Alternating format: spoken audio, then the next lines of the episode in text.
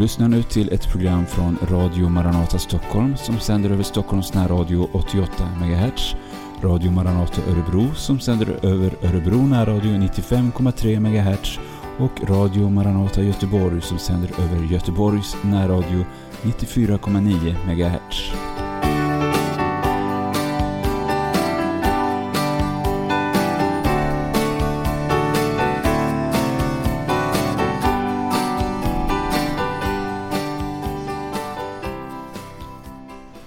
Ja, då har jag alltså glädjen att hälsa dig välkommen till ett program med Radio Maranata och vi sänder här eh, från Dominikanska republiken faktiskt. Vi sitter i en studio, en ganska enkel studio nere i Palave, Dominikanska republiken. Berno Widén och eh, jag, Sebastian Widén. Och med oss på Skype då har vi Paulus Eliasson som är i Rumänien och eh, Pelle Lind i Örebro. Eh, det här programmet har vi tänkt ägna några en stund åt i alla fall, åt den situationen som världen befinner sig i idag. Och eh, jag vet inte Paulus, vill du börja? Har du någonting att säga? Vad är det som är så speciellt? Ja, eh, får häls eh, säga hej till allihop eh, från Rumänien. Vi har ju också här så nås vi av nyheterna om det här coronaviruset eller SARS-CoV-2 tror jag att det egentligen kallas för. Det är många virus som är coronavirus. Men det är lite det vi hade tänkt att vi skulle tala lite om utifrån ett kristet perspektiv, se vad Bibeln har för något att säga till oss om det här. Det var ju ett virus som startade i Wuhan i Hubei-provinsen i Kina december i fjol och eh, som vi fick höra nyheter om i början på året här. Och nu går ju det här sin, sin runda i, i alla medier. Eh, överallt så pratas det om det här. Inte minst här i Rumänien så finns det mycket rädsla eh, och, och oro eh, Eh, för det här. Och det är också något som har, ger grogrund, som är en grogrund för, för mycket oro och också rasism eh, här i Rumänien. Nu eh, pratar de om att det är ingen som vågar äta kinesisk mat. Är, man undgår de få kineser eller folk med asiatisk bakgrund som man känner till, de undgår man och, och så vidare det finns mycket okunskap omkring de här sakerna. Men WHO har ju eh, nu kallat det här utbrottet för en allvarlig händelse med betydelse för internationell folkhälsa. Så det är ju naturligtvis en, en, eh, en orospunkt som, som det också har varit tidigare med andra liknande. Eh, det är ju pandemi, det de kallar det nu. Mm. Även här i Dominikanska republiken så märker man hur folk är väldigt oroliga. Eh, har du någonting att säga om situationen här, Berno? Ja, oron här i Dominikanska republiken den eh, stegrade nu i, i går då det första bekräftade fallet av en eh, patient då eh, en turist från Italien som hade kommit hit och det skapade lite panik bland folket. Det var ett isolerat fall och man menar från myndigheterna då att man har full kontroll och att allt har skötts enligt protokollet. Men ute bland folk så, så frodas paniken och många gånger ogrundat. Och det tar sig många olika uttryck som kanske inte är så logiska. Och eh, det är lite av de här eh, sekundära verkningarna av det här viruset. Viruset i sig orsakar skada, men så finns det okunskap som också kan förvärra verkningarna. Men eh, vi skulle ju tala utifrån ett kristet perspektiv och där har ju vi det, det alltid aktuella evangeliet att förkunna. Och det styrs ju inte av de här äh, olika tidstecknen eller händelserna Utan äh, det gäller för oss att verkligen hålla rätt fokus i hur vi möter människor. För vi har verkligen ett hoppets budskap i vilken situation vi än befinner oss. Och det är det unika med evangelium. Mm, precis. Eh, Pelle Lind, du är den av oss som befinner dig i Sverige nu. Hur ja, tänker jag folk befinner mig i, där? Jag befinner mig i Örebro då. Och även här så ser man ju lite att människor oroas. Jag såg till exempel i lokaltidningen här i lördag så skrev man hur, hur apoteken har sålt slut på sådana här ansiktsskydd, inandningsskydd. Och eh, till exempel idag såg vi på text-tv här hur, hur eh, stora Coop i, på Bromma Blocks till exempel i Stockholm har eh, hur folk har börjat hamstra torrvaror. Försäljningen av, av torrvaror som, som ris och pasta och, och konserver och sånt hade ökat med 60 procent. Och eh, vissa varor var helt slutsålda så det var tomt i hyllorna. Och det som är kanske unikt då med den här det här viruset är ju liksom att det drabbar västvärlden lika mycket som, som, som tredje världen tidigare då. Att man är ju van då att, att till exempel av att eh, i Afrika så dör ju cirka 500 000 av malaria varje år. Men det är ingen som egentligen bryr sig så mycket om det i västvärlden. Då. Vi vet ju att många miljoner dör, runt tre miljoner räknar man med dör av svält varje år i världen. Va? Och eh, det unika nu tycker jag då det är väl att det här drabbar västvärlden och att paniken sprider sig på det här sättet då. Eh, I Sverige har ju skonats ganska bra. Vi har runt 17 stycken tror jag de har konstaterat sjuka i Sverige då av corona. Eh, ja, varsågod.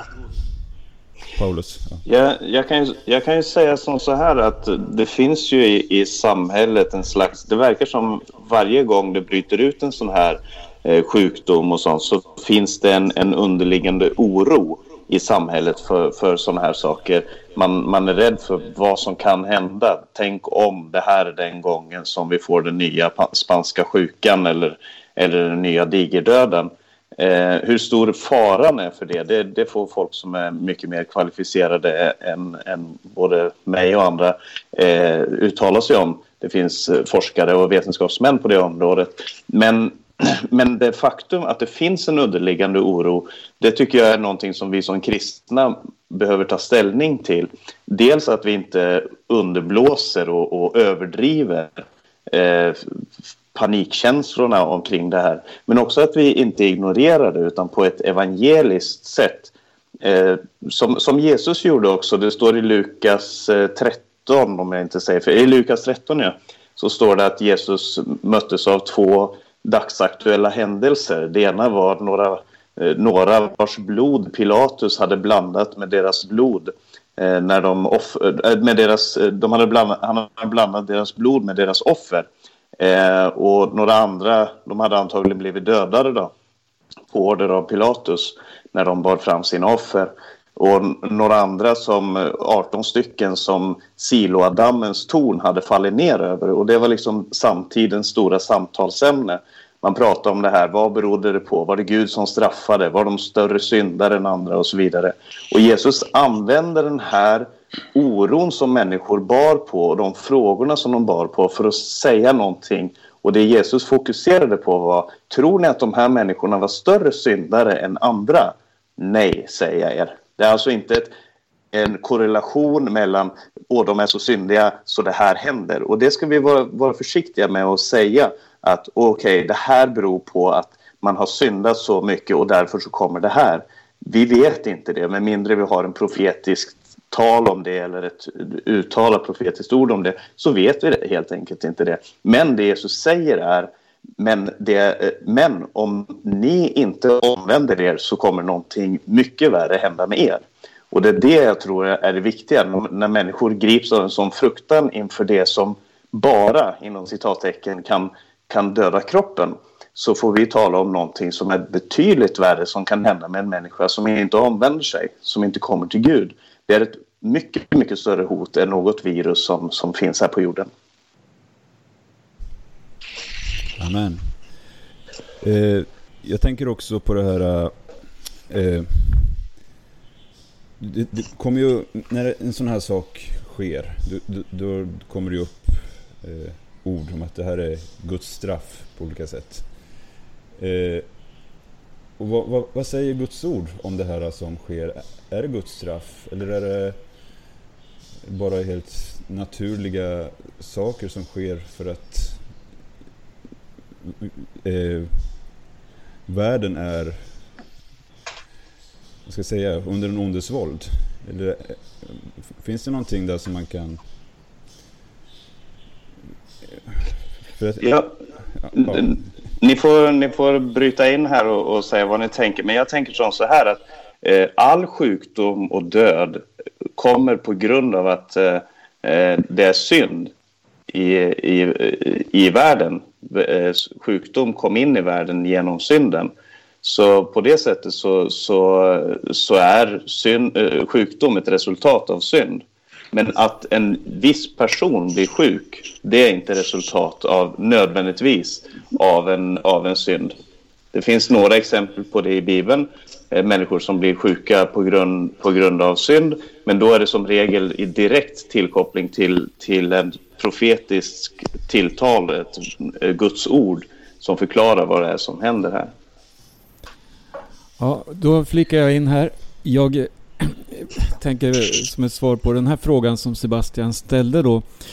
Eh, vi, har, vi har mycket sjukdomar och många olika virus som sprider sig. Men vi har också sjukdomar som är relaterade till vårt sätt att leva, vår kosthållning, miljöförstöringen, alla avgaser och allt det här. Och, och det är ju så, det är jag vet inte om man vill kalla det synd, men det är konsekvenser utav hela utvecklingen vi möter på jorden. Och eh, det här viruset nu som sprids, det spekuleras ju också kring det. Det finns konspirationsteorier och så vidare om hur det här viruset ska ha uppkommit. Men det är ingenting vi kan eh, fastställa eller uttala oss om egentligen idag. Men, men många sådana här äh, teorier frodas i en sån här situation. Och äh, där gäller det för oss att vi äh, som sagt fokuserar kring ett balanserat och sant budskap om Jesus. För fortfarande är det det som står i fokus i vårt uppdrag. Förkunna Jesus för människor. Precis, vi har uppdraget. Så som jag förstår det här, ett, till exempel det här äh, utbrottet då. Det är ett resultat kanske, kanske säger jag, eh, utav människans eh, sätt att leva, jag vet inte. Men eh, samtidigt inte ett direkt eh, straff då. Som det finns de som påstår att det är att Gud kommer ner och straffar Eh, eller, eh, ja. Alla drabbas ju. Alla människor. Ja, precis. Eh, eh, får jag flika in en sak till? För jag, jag, jag läste ett väldigt gripande reportage ifrån Wuhan, från staden där. För att det finns ju många kristna i Wuhan och eh, de är vana att leva eh, under förföljelse. De är ofta övervakade av myndigheterna och eh, anses vara suspekta, eh, motståndare till regimen och så vidare. Nu i den här situationen så har många av dessa kristna eh, identifierat sig. De klär sig i gula västar, har skyddsmasker på sig och så går de ut och möter människor och hjälper människor i den här svåra situationen. Och de utnyttjar situationen och möter exempelvis myndighetspersoner som tidigare haft uppdraget att eh, åka till deras kyrkolokaler och deras samlingar för att upplösa och förbjuda deras verksamhet. Nu kommer samma myndighetspersoner till dem och får möta en sådan utgivande kärlek och de får möta evangelium på ett sätt som gör att de, de eh, böjer sig inför Gud. Amen. Paulus, du hade något att flika in här också, såg jag. Ja, det jag tänkte på är att i Johannes evangelium där säger Jesus, där kommer Jesus och möter kvinnorna som eh, två systrar som har mist sin bror. I, han har dött, Lazarus. Och där står det att eh, man sänder bud på Maria och säger att mästaren här och just sådana här tider då människor är i krissituationer det är tider då vi som kristna ska stå med Mästarens röst och kalla på människor, tala till människor om, om vem Jesus är och, och berätta evangeliet. Bibeln säger också att det är bättre att gå till sorgens hus än till, än till glädjens hus. För i sorgens hus eller dödens hus, där tänker man på slutet. Och det är just det här som är så svårt i vårt samhälle i västvärlden, att få människor att tänka på slutet. Det är någonting som man håller borta ifrån sig genom att eh, medicinera sig genom att se till att man har en god ekonomi, genom att se till att man har det tryggt omkring sig, så håller man döden på avstånd och försöker få ut så mycket som möjligt av livet. Men, men i sådana här krissituationer, precis som Berno sa om hur de kristna reagerar i, i Kina, genom att gå ut och vara den här utgivande kärleken, så tror jag att vi är kallade också att vara en utgivande kärlek i en sån situation när, när människor lider. Amen till det. Ska vi lyssna till en sång nu och så återkommer vi alldeles strax.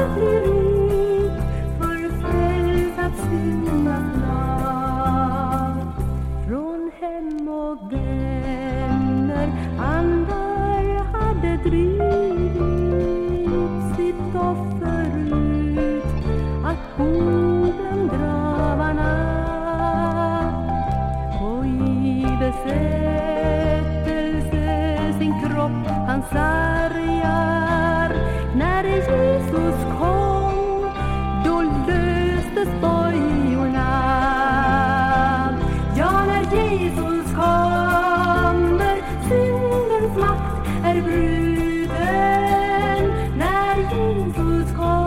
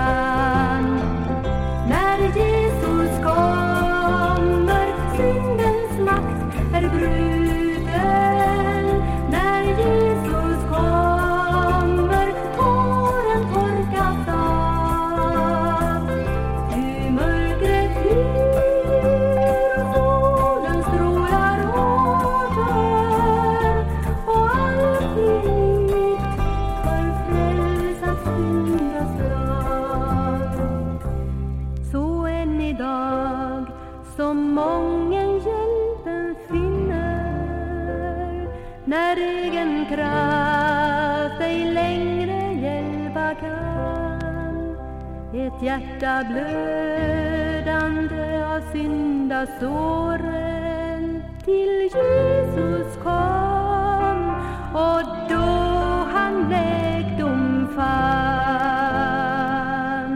När Jesus kom, när syndens makt är bruten,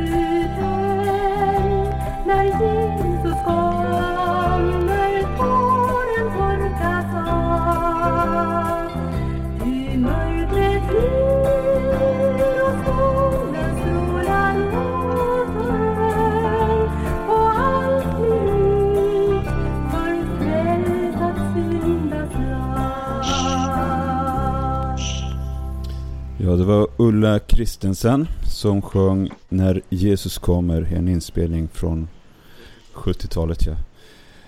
Eh, vi talar om coronaviruset, eller det som... Vad heter viruset igen eh, på riktigt? Det heter SARS-CoV-2. Okej, ja, det var... Men eh, det allmänna, allmänt kända begreppet är i alla fall coronaviruset nu. För det är väl ett av många coronavirus som har drabbat människor. Eh, jag, jag har en fråga bara.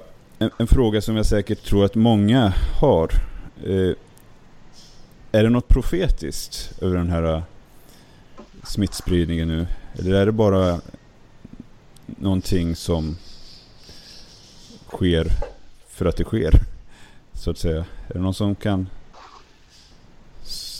svara på det? Eh, ja, jag tänkte på det här att, att eh, eh igår så var det en, i en av våra kvällstidningar så var det en, en som kallade sig för virusprofessor och han jämförde ju då det här coronaviruset med, med spanska sjukan. Att, att det finns inget annat virus som har spridit sig så pass mycket och så brett ändå. Och där dog ju då 50 till 100 miljoner människor räknar man med.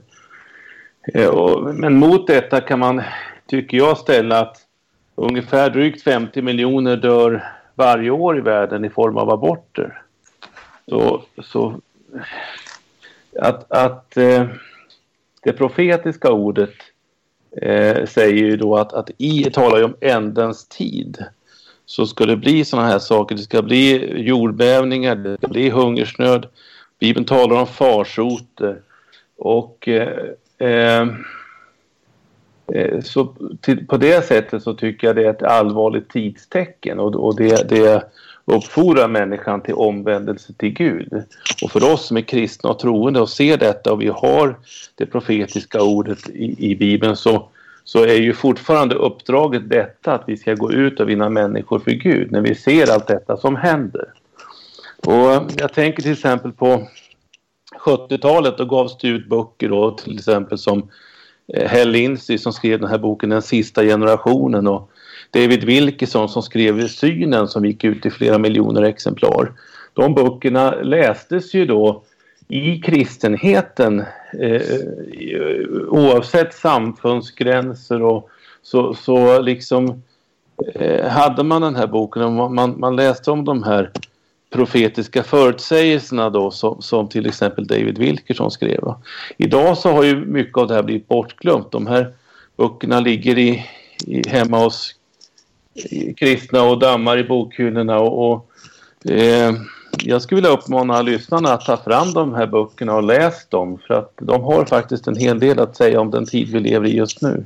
Och framförallt Bibeln där, där, där det talas om det som ska ske i ändens tid. Eh, jag lämnar över, får ni fylla i. Mm, precis. Det finns nog ord som har sagts om den tid vi lever i. Eh, en annan fråga som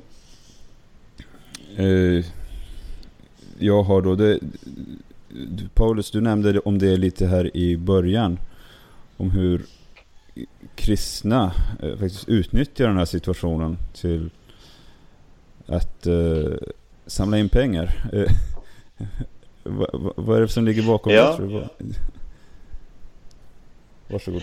Ja, nej, det är så, det är så att eh, det har gått eh, nyheter nu i, i riksmedia i, i Norge. Det var väl den kristna tidningen Vårt Land som först eh, tog upp det här men sen har det blivit, sen eh, nämns också på norsk rikskringkasting och, och flera andra nyhetsmedia i Norge eh, om eh, eh, att den, den 28 februari så rapporterade Vårt Land som är en kristen tidning i, i Norge att eh, en predikant, eh, Diony Baez, han eh, hade varit med i ett tv-program på den kristna tv-kanalen Vision Norge eh, där han gav ett budskap från Gud och som sa att om du ger till mitt rike så ska jag ta bort gnagaren, coronaviruset som är mot dina barn.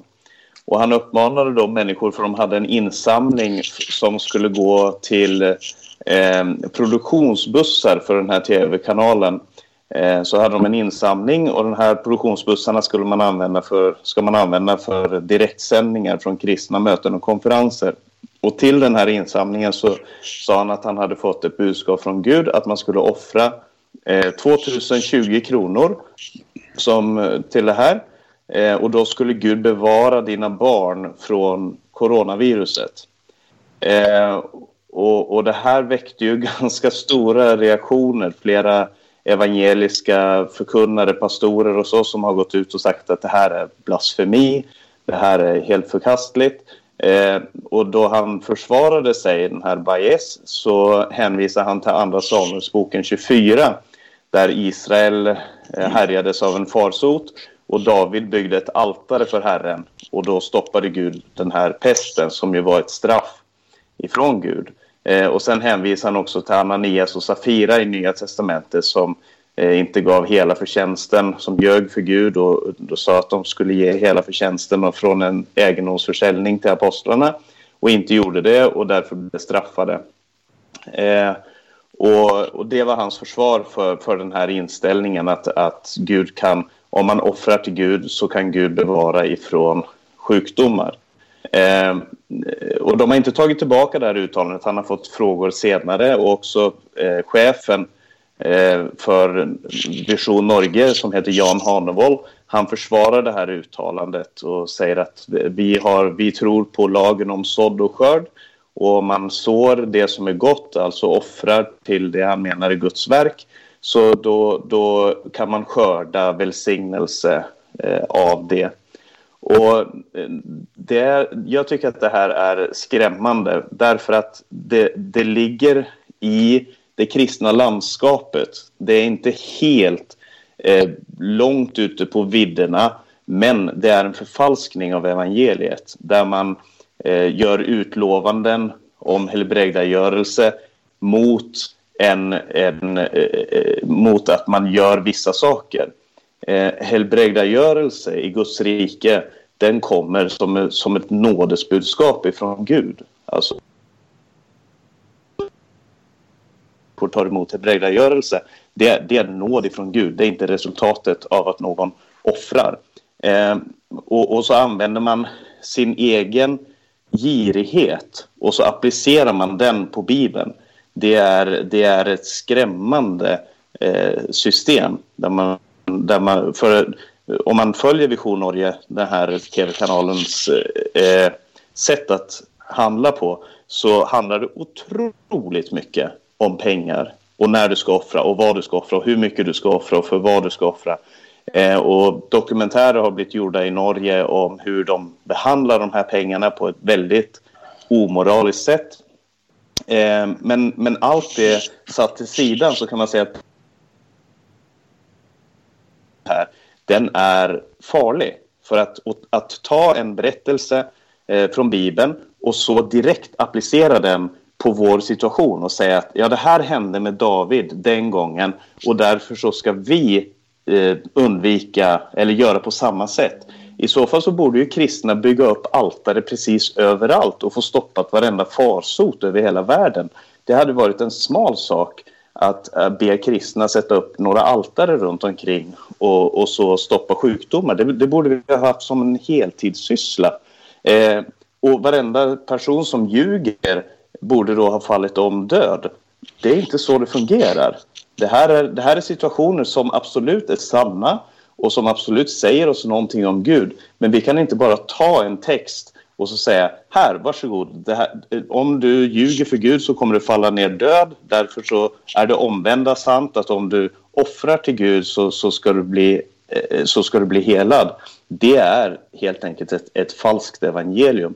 Och det är otroligt tråkigt att se att inte bara kristna som, som går på det här och som försvarar det här men också att det blir taget upp i, i, i sekulär media och eh, kristna får stå, jag tänker lite på det ordet som står i Romarbrevet och det är ett citat från, från Gamla Testamentet. För er skull så blir Kristi namn, eh, så blir Guds namn hädat över hela jorden. Och det, det tror jag är fallet när, när världen kan genomskåda det här och se att det här är ren girighet. För att Bibeln säger att det ni har fått för intet, det ska ni också ge för intet. Så får ni gärna säga vad ni själva tänker och tycker om det här. Ja, Ja, min första tanke när jag hörde det här det är ju att det, det är ett fruktansvärt sätt att utnyttja människors eh, givmildhet och generositet för att ställa sig upp. Alltså jag, jag hävdar att dessa är, är lögnprofeter som ställer sig upp och talar liksom i sitt eget namn och inte i Guds namn. Och det, det är otroligt fräckt att, att göra på det sättet. Eh, jo, då tänker jag också eh, på det här du säger man ska offra för att få välsignelse. Men vi, vi har ju det här att det finns ett offer som har gjorts och i det offret så har vi blivit välsignade med all den himmelska världens andliga välsignelser. Alltså det finns egentligen ingenting någon människa kan göra för att förvärva någon slags välsignelse längre. Därför att det Jesus har gjort, det är mer än nog. Och det, och det, det är det budskapet vi får predika, att vi får predika Jesus mitt i alltihop. Vi ser hur människor, hur, jag tänker på det här äh, bibelordet att människorna ska stå rådlösa inför havets och vågornas dån. Och det kanske, man kan lägga in lite olika betydelser där, men i alla fall det talar om en oro som finns bland människorna. Det finns en... Folk vet inte vad de ska ta sig till. Och då har församlingen, som jag ser i alla fall, ett uppdrag. Och, och, och det, det uppdraget handlar om att predika Kristus, predika Jesus. Predika att det finns en frid att få, det finns en, ett hopp, det finns en framtid. Amen. Berno, ett ögonblick bara. Mm. Jag vill, jag vill eh, knyta an till den här frågan som ställdes tidigare om det, finns något profetiskt i det som händer. Och det gör det ju på sätt och vis. För att vi- vi lever i ändens tid och det, den här ändens tiden den möter vi redan från Bibelns tid när Johannes skriver att nu är den yttersta tiden. Men jag skulle vilja belysa en sak som jag tycker är så typisk för vår tid. N- när de här händelserna med viruset och många andra händelser som har ägt rum de senaste månaderna. Då, då, då är det som ett uttryck som har, som har eh, återkommit om och om igen. Eh, som ett rop inom mig. Det, det är det här att världen står i brand. Jesus kommer. Och det finns, det finns någonting som knyter ihop de här två uttrycken. Världen står i brand. Vad har det att göra med Jesu tillkommelse kanske vi tänker? Jo, det här att när Jesus talar om Människosonens dagar, när Jesus talar om det som ska övergå jorden, alltså det som ska drabba människorna på jorden, då, då sätter han det i sammanhang med sin tillkommelse. Jesus kommer. Och det, det, det är ett budskap som, som genljuder allt det här som händer idag. Det är tecken på att Jesus kommer. Och vi, vi, vi ser miljontals människor på flykt. Vi möter återigen hur eh, befolkningen i Syrien, de eh, måste fly från sönderbombade städer, hamna i överfulla flyktingläger. Man saknar vatten, mat, mediciner, sängar och så vidare. Det, det är en sida, de här väpnade konflikterna. Vi har eh, eh, bieffekter eh, av viruset nu då, då globala världsledande ekonomier skakar. Man stänger ner stora verksamheter, stora företag. Stora eh, utställningar, mässor stängs ner. Stora idrottsevenemang stängs ner. Och allt det här, det blir som en dominoeffekt. Att det, det rullar på, det rullar på och så ser vi samtidigt hur att det är ingen isolerad företeelse längre. Något som drabbar den platsen eller den platsen. Utan det här är någonting som övergår hela jorden. Och för mig är det här en tydlig signal på att eh, vi, vi, vi kan härröra det till Jesu undervisning om de yttersta dagarna. Det här som Sebastian nämnde om eh, från Lukas 21. Där, där Jesus talar om det som ska övergå jorden och människorna ska stå där med oro och ångest. Jesus han, han, han, han eh, säger det att, att när detta börjar ske, vad ska vi göra? Jo, vi ska lyfta våra ögon. Och här har vi detta hoppets budskap som, eh, som, som, håller i alla tider. Nämligen det att vår förlossare kommer. Jesus kommer. Och eh, så, så, det gäller att, att, att, att vi verkligen har fokus och inte ägnar oss åt sånt här eh, som, som vi hörde nu då, där, där man utnyttjar situationen för att samla in pengar och så vidare. Utan att vi, ja, det, det finns så mycket meningsskiljaktigheter på olika saker.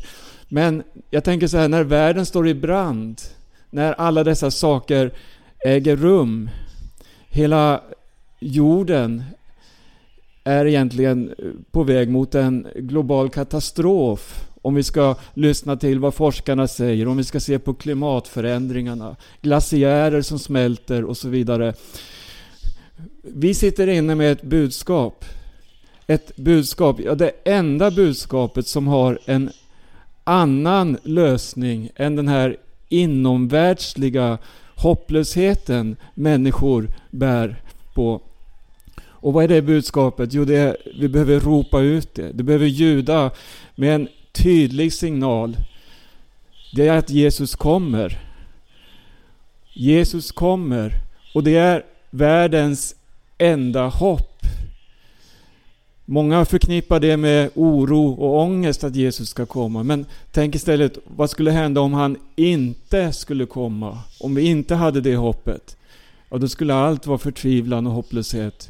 Men hoppets budskap, det är Jesus. Här i tiden, låt försona dig med Gud. Och du får frid för tid och för evighet. Så budskapet om Jesu tillkommelse, det är tröst, det är hopp, det är trygghet. Men det är också en varningsklocka för människor. Gör dig redo att möta Jesus. Och Idag har vi ett oerhört tillfälle att nå ut till människor med detta budskapet. Det är inte tidstecknen egentligen som styr eh, vår eh, verksamhet utan det finns ett budskap i Bibeln. Jesus själv säger Jag kommer snart. Och så uppmanar oss, han oss att hålla fast vid det profetiska budskapet. Och Jesus han säger, säger också det här uttrycket att anden och bruden säger kom. Och det här är ett budskap vi lever med, vi lever i. Jesus kommer snart. Amen. Jesus kommer snart. Eh, jag vet inte om det är någon av er som vill säga något ytterligare i det här ämnet. Annars, Eh. ja Paulus? Eh, jag tänkte att man kunde ha sagt någonting om, för att det, fin det finns en eh, oro hos människor också och det här som handlar om hur kan Gud tillåta sådana här saker som lidande och sjukdomar och död och det här eh, som sker nu det är ju sånt som, som kopplas, kopplas till det här. Hur kan Gud tillåta att eh, coronaviruset eller om det är andra sjukdomar eller vad det kan vara för någonting eh, som, som drabbar gamla, sjuka, svaga, fattiga där den rika världen klarar sig och den, den fattiga världen är den som är hårdast rammad. Och eh, i, i den förbindelse så, så eh, får man söka sig till Guds ord och eh, lära sig vad, vad som är Guds tanke med hela skapelsen, med vår existens här på jorden. Eh, det här kan säkert eh, Berno som, som var närvarande då det skedde nämna någonting. Jag tänker på det som hände i Haiti för några år sedan. Där eh, jordbävningen, eh, Eh, den jordbävning som skedde där som eh, skördade många människooffer. Men det jag har också har hört ifrån kristna nyhetsberättare är att eh, det var också många människor som på grund av det här omvände sig till Gud människor som kom till Gud på grund av det som hände där. Och eh, sådana här livskriser och sånt som får oss att tänka på slutet, det är sånt som drar människor till Gud. Och det tror jag är någonting av svaret på frågan hur Gud kan tillåta sådana här saker. För att eh, Guds mål är inte att vi ska vara lyckliga här på jorden. Hade det varit Guds mål så hade han kunnat eh, förse oss med, då hade vi kunnat vara bara existera i en bubbla där vi får eh, lyckopiller sprutade in i oss så att vi är lyckliga till den dagen vi dör. Det är inte Guds mål. Och det måste man komma ihåg. Att målet som Gud har, det är att, eh, att vi ska lära känna Gud, att vi ska komma nära Gud och att vi ska söka oss till honom och ha en kärleksfull relation personlig relation till Gud. Eh, och där kan nöd och, och, problem och ångest vara med på att föra oss närmare Gud. Jag har upplevt det själv, hur, hur ångest har fört mig närmare i mitt förhållande till Gud. Hur problem i mitt personliga liv har fört mig närmare Gud. Även om jag inte har blivit drabbad av, av eh, sådana stora sjukdomar och sånt så den, när man upplever att den här världen inte kan erbjuda det som, det som jag behöver, det är då man, man öppnar sitt hjärta för Gud. Och, och det är det som är Guds mål. Och Gud har skapat en värld som, som ska dra så många människor som möjligt till honom. Eh, så eh, sorg, sjukdom, ångest, nöd, lidande, allt det här blir en påminnelse om att den här världen som den ser ut idag inte är nog för oss utan den, den ser fram emot någonting helt annat. Amen. Eh, vi ska eh, lämna det här ämnet bakom oss nu tror jag. Men vi har det här kommer ihåg det här att vi har ett hoppets budskap mitt i allt. Och Gud vill det. Gud vill nog mera än att vi bara ska ha det bra här i tiden. Gud vill ha en evighet tillsammans med oss. Och att vi ska få en evighet tillsammans med honom. Pelle, du räckte upp handen här. Har du något att säga? Ja, jag skulle bara lägga till som en på slutet här att, att eh, så står det i Johannes 11.25 där Jesus säger så här att jag är uppståndelsen och livet. Den som tror på mig, han ska leva om han än dör. Och Jesus Kristus har ju gett det ultimata offret på Golgata kors för våra synder, för våra sjukdomar. Och därför så behövs det inga sådana här ekonomiska offer som vi hörde om här för att få del av, av av eh, Guds eh, goda vilja på det sättet. Utan, utan Gud söker inte våra offer utan han söker vår lydnad inför Guds ord. Och att vi omvänder oss, särskilt vi som är kristna, att vi omvänder oss till Gud i den här sista tiden och gör hans vilja och går ut med hans evangelium på ett eh, oförfalskat. Så ta den hälsningen till dig du som lyssnar att att Jesus, det är han som är uppstånden. Det är han som har lidit döden. Det är han som har burit våra synder och våra sjukdomar upp på korset. Det är fullbordat var det han ropade ut från korset. Det är fullbordat. Kom till Jesus. Amen. Amen. Vi lyssnar till en sång här nu och så ska vi sedan gå över till ett litet annat ämne. Jag tror Paulus har, befinner sig i Rumänien och jag tror han ska berätta lite grann om vad de gör där. Vi lyssnar till Kristina Imsen nu som sjunger Se Guds offerlamm.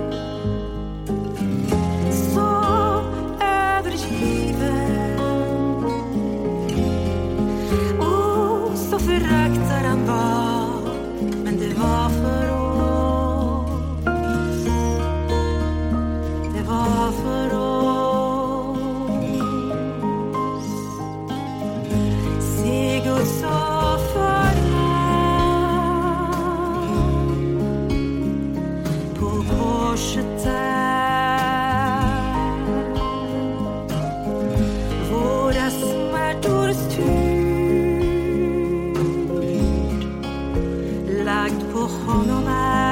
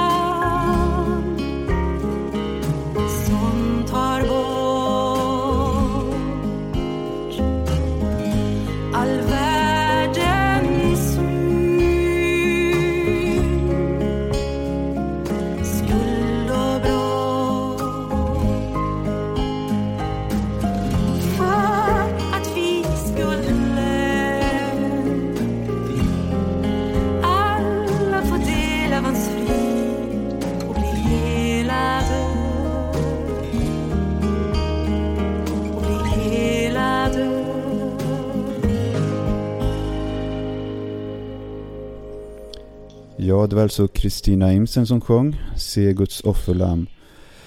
Paulus Eliasson befinner dig i Rumänien. Kan du berätta lite grann vad ni gör där ute? Ja, vi har haft en eh, väldigt välsignad tid här i Rumänien. Jag kom ner hit eh, första januari på nyårsdagen. Eh, och tillsammans med min fru Camilla så har vi varit här nu i två månader och har en månad kvar om det går, saker och ting går efter planen. Och som sagt, det har varit en, en eh, utmanande men välsignad tid som det väldigt ofta är här i Rumänien. Vi har haft välsignelsen och förmånen av att ha två dop. Eh, jag skulle bara vilja säga någonting om det första dopet som vi hade. Då var det två bröder som, som eh, eh blev döpta. Den ena var en gammal man, eh, dödssjuk, som var väldigt nära, väldigt nära döden. Eh, han, han har kommit på möten tidigare, varje gång full. Varje gång eh, ropande och skrikande ska, skapade problem och, och så. Hans fru är frälst och hon har bett för honom nu i många år. Eh, men han har hela tiden varit för stark. Han har, varit för, han har haft för mycket motstånd mot evangeliet och han har varit full hela tiden eh, i många år. Sen blev han sjuk och han blev så sjuk att han inte kunde ta sig till eh, butiken för att köpa öl och, och sprit. Så, och hans fru gav honom ju självklart ingenting. Så till slut faktiskt lyssna på budskapet och ta, ta till sig av, av budskapet och förstå sin situation.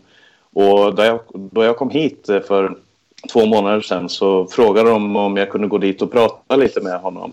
Och jag pratade med honom och han sa jag har förstått vad, vad jag är för slags människa. Jag har förstått eh, att jag, jag är inte värdig det här. Men eh, han hade också förstått vad evangeliet innebar. Och han tog emot Gud till frälsning och hela församlingen var överlyckliga. Och de sa att han, eh, och så sa jag, kan ni berätta för mig någonting om hans historia, var, var han kommer ifrån, vad, vad som har hänt i hans liv? Och sa, nej, vi vill inte prata om det. Vi vill inte prata om vad han har varit för någonting innan. Vi pratar om vad han är, Jesus. Eh, och vi hade dop där han, eh, de bar honom in i möteslokalen och lyfte honom över dopskanten och vi, vi döpte honom. Och sen bar de honom hela vägen hem, några syskon. Och han, två veckor senare så hade vi begravningen för honom. Hela församlingen var samlad och tackade Gud för eh, en eh, broder som, eh, som hade kommit till, till Kristus. Och den samma dopet så hade vi också dop för en ung man som eh, sena tonåren som just hade eh, gift sig, som, som just hade fått barn och, och de ska tillsammans, han och hans fru har börjat livet och de ska eh, de har bestämt sig för att de vill leva för Gud båda två. Hon är döpt sedan tidigare och han blev frälst och, och döpt nu det senaste.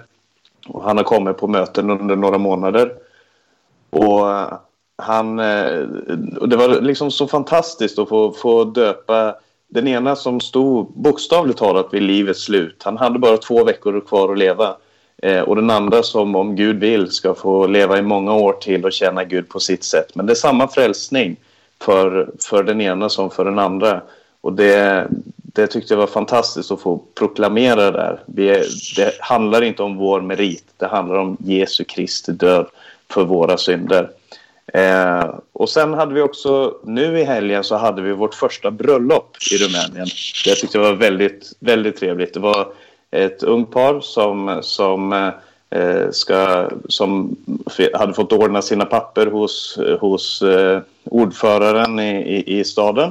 Och nu hade de kommit till församlingen och bad om välsignelse. Så vi, hade en, eh, vi, eh, vi vigde dem och välsignade dem i församlingen med förbön och sen så hade vi en fest efteråt. Väldigt enkelt, eh, väldigt välsignat och fint. Så, så det, det är tacksägelseämnen och vi hoppas att det är fler som, som eh, kommer till församlingen och, och vill eh, få församlingen och Guds välsignelse över sitt äktenskap. För att det finns så otroligt många brutna och trasiga relationer i Rumänien.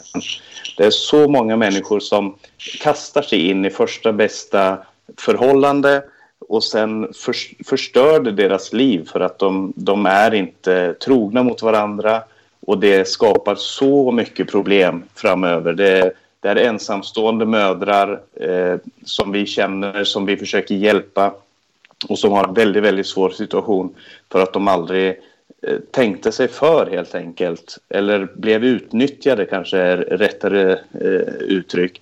Eh, när, när de gick in i, i, sitt första förhållande. Och vi försöker undervisa ungdomarna om det här. Att, eh, hel, alltså att, att ha Gud helig som Herre i sina hjärtan.